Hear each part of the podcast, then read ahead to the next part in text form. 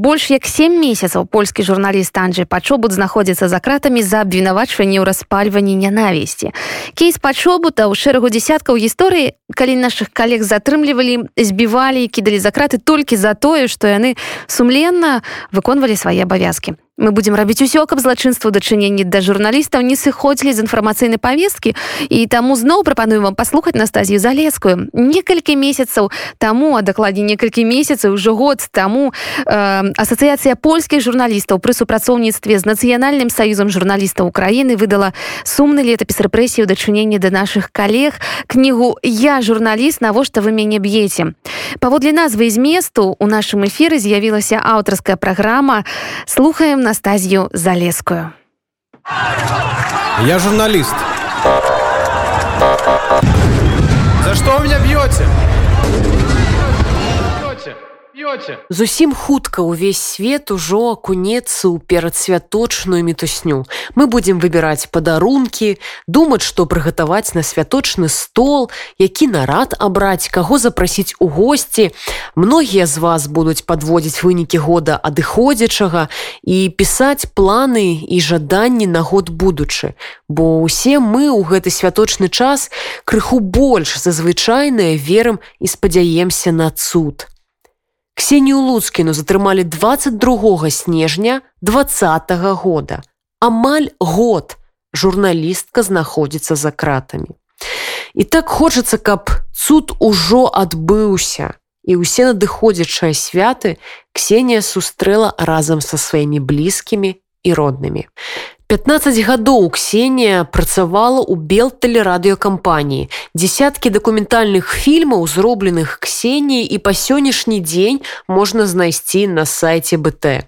Адразу ж пасля выбараў два Ксенія далучылася да страйку, звольнілася з БТ і вось ужо амаль год яна ў турме. Пра Ксенію, пра здароўе, пра тое, як яна сёння, з намі падзеліцца яе бацька Олег Луцкін. Олег прывітанне. Раскрыце, калі ласка, якой Ксения была ў дзяцінстве.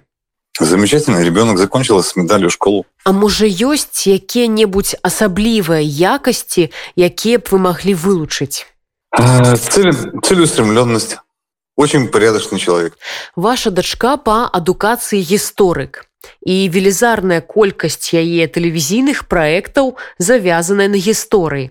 А вось як Ксенія потрапіла на гэтую, калі можна так сказаць гістарычную дорожку. Ну, она закончила исторический факультет БГУ. Э, в школе она, когда училась, она, она побеждала на Олимпиадах исторических, э, вплоть до республиканских. Вот. И пошла учиться в БГУ. Вот, и так ее заинтересовало история. Вы памятаеце той момант, калі даведаліся, што Ксенію затрымалі? Пришло СОС по всем телефонам, по близким. Мне, маме, ребенку и брату. Пришел СОС. Ну, естественно, там же ну, по геолокации видно, где, что и как. А какие эмоции вы адчувалі ў гэты момант? Обалденные. Ну, ну, ну вы же понимаете, да, что счастье переполняет счастье. Ребенок позвонил мне сразу же, ну, Ксения, что дедушка мне ломится в дверь и звонит какой-то непонятный человек, говорит, что я следователь. Я сказал, говорю, никому не открывай, и жди, пока не придет дядя. Ну, брат Ксения. Дядя прибежал тут же. Дальше действие было при, при ребенке. Гэта ўжо не першы выпадак, калі вось у гэта ўсё зацягваюць і дзяцей і на іх вачах адбываецца тое, чаго яны бачыць не павінны. Як ваш унук перажыў гэты момант? Ну не буду говорить, что он был счастлив. Ребенок до сих пор не может заходить в квартиру спокойно один. В квартире до сих пор стоит елка, которая была наряжена э, на католическое Рождество в прошлом году. Он сказал, говорит, я эту елку разберу только с мамой. Усе мы асабліва перажываем за здароўе Ксеніі. У чатырнацатым году былі выдалены дзве пухліны ў мозгу, яшчэ адна засталася і пару месяцаў таму стала вядома, што стан здароўя Ксеніі пагоршыўся. Як яна адчувае сябе цяпер? Ну, сегодня пошел, купил там лекарство опять. В понедельник повезу. Вот и все здоровье. Ну, было два МРТ, пока она там находится. Одно в мае, другое в июле. Вот. А опухоль в головном мозгу ну, увеличилась, но электроэнцефалограмма показала то, что, слава богу, без патологии, то есть жить с этой опухолью можно. Опухоль есть, человек с ней, ну, с ней будет жить, но слава богу, что нет какой-то патологии. Ну, естественно, конечно, тяжело. Каждый день, каждый день. На обезболивающих, по два раза на обезболивающих. Вот последнее письмо получил, говорит, а, она пишет мне, что ну да, два раза в день обезболивающий. Простыл опять, бронхит и ну, так далее. А як вы падтрымліваеце цяпер сувязь? Ці ходзяць лісты? Можа было за гэты час хоць одно спатканне? Какие свидания? Что я я ребенка не видел 11 месяцев. Письма ходят раз в две недели сразу по три письма ко мне приходят ну то есть две недели нет писем потом бах три письма сразу же разбирать по датам чтобы ну понять логистику когда что было да. а як эмоцыйны стан ксении Эмоциональное состояние хорошее у нее, она бодра и ну, ну, она борец по жизни. А, последнее письмо, ну, я немножко подхохмил. Ну, так. Значит, она попросила а, крабики для волос.